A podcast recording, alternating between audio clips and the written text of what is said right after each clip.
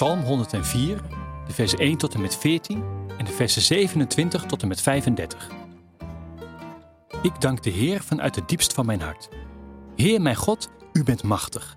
Alles rondom u is stralend en mooi. Overal om u heen is licht.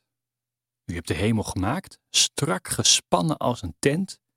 Hoog boven de hemel is uw paleis. U rijdt op een wagen van wolken. De wind blaast u vooruit. De wind is gehoorzaam aan u. De bliksem doet wat u wilt. U hebt de aarde stevig vastgezet. Zo blijft ze staan voor altijd. Toen u de aarde maakte, was er overal water, zelfs hoog boven de bergen. Maar toen uw stem klonk, vluchtte het water. Het vluchtte weg voor de donder. Bergen kwamen tevoorschijn en rivieren stroomden in de dalen precies zoals u het bedacht had. U hebt grenzen gemaakt voor het water.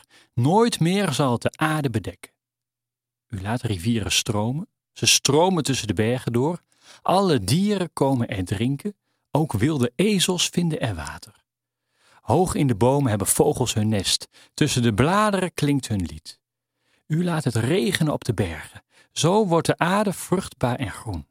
U laat gras groeien voor de dieren, graan en vruchten voor de mensen. Als mensen en dieren honger hebben, wachten ze tot u ze voedsel geeft.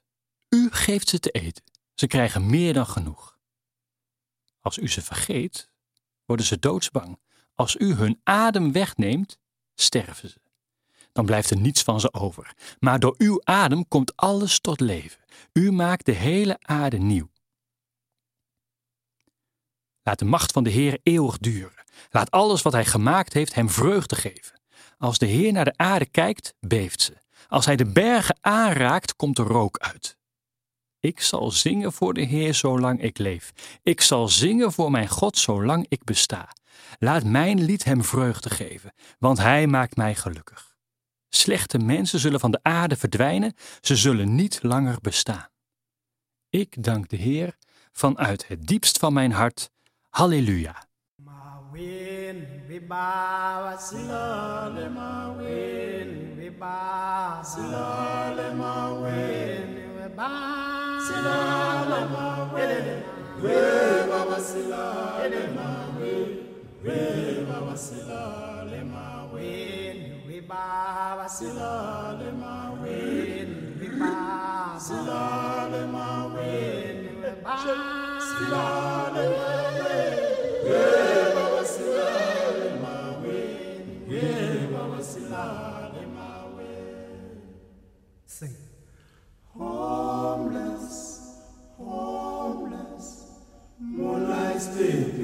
midnight lake.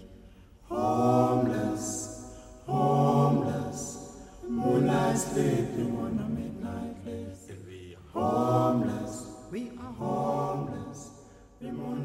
Psalm 104 begint zoals Psalm 103 eindigt. Ik prijs de Heer vanuit het diepst van mijn hart. Of in de nieuwe Bijbelvertaling: Prijs de Heer, mijn ziel. Maar nu wordt mijn ziel niet gevraagd de blik op de binnenwereld te richten, maar naar de buitenwereld.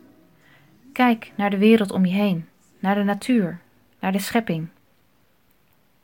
Opeens valt het me op dat in de eerste versen de vier oerelementen worden genoemd: lucht, aarde, vuur en water. God beweegt zich op de vleugels van de wind. God stuurt de vurige bliksem.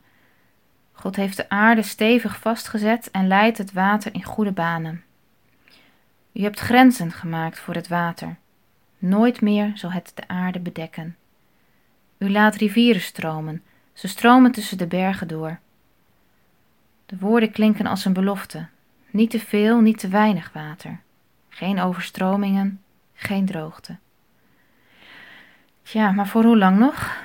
De poolkappen smelten, de zeespiegel stijgt en tegelijkertijd periodes van droogte het moeilijk maken om gewassen te verbouwen. Wij mensen hebben met onze manier van leven de grenzen verlegd. Is er nog plek voor planten, dieren en mensen om goed te leven? De psalm beschrijft een situatie waarin het leven op aarde in evenwicht is. Het paradijs op aarde, waar de verschillende soorten populaties elkaar in toom hielden en de ene soort de andere niet wegdrukte. en de eerlijkheid gebiedt te zeggen dat onze levensstijl weinig ruimte laat voor alle leven. De psalm laat dan ook de kwetsbaarheid zien. Het leven is niet maakbaar. We zijn afhankelijk van de omstandigheden. De psalmdichter toont in zijn woorden een besef afhankelijk te zijn van God. Als u hun adem wegneemt, sterven ze. Maar door uw adem komt alles tot leven. Daarmee komt een vijfde element in beeld dat we nodig hebben om echt te kunnen leven: de levensadem, de adem van God. Noem het geest, geestkracht, inspiratie. De elementen zijn levensbrengend, zoals de heilige Franciscus in zijn zonnelied bezingt. Broeder wind, die de lucht en de wolken voortdrijft. Zuster water, nuttig en kostbaar. Broeder vuur, die vrolijk en onstuimig de nacht verlicht. En moeder aarde, die ons draagt en voedt. We hebben de elementen nodig om te kunnen leven. Maar wat het leven bezielt, is de levensadem. In het Hebreeuws ruach. De wind, de adem van God die over de aarde gaat.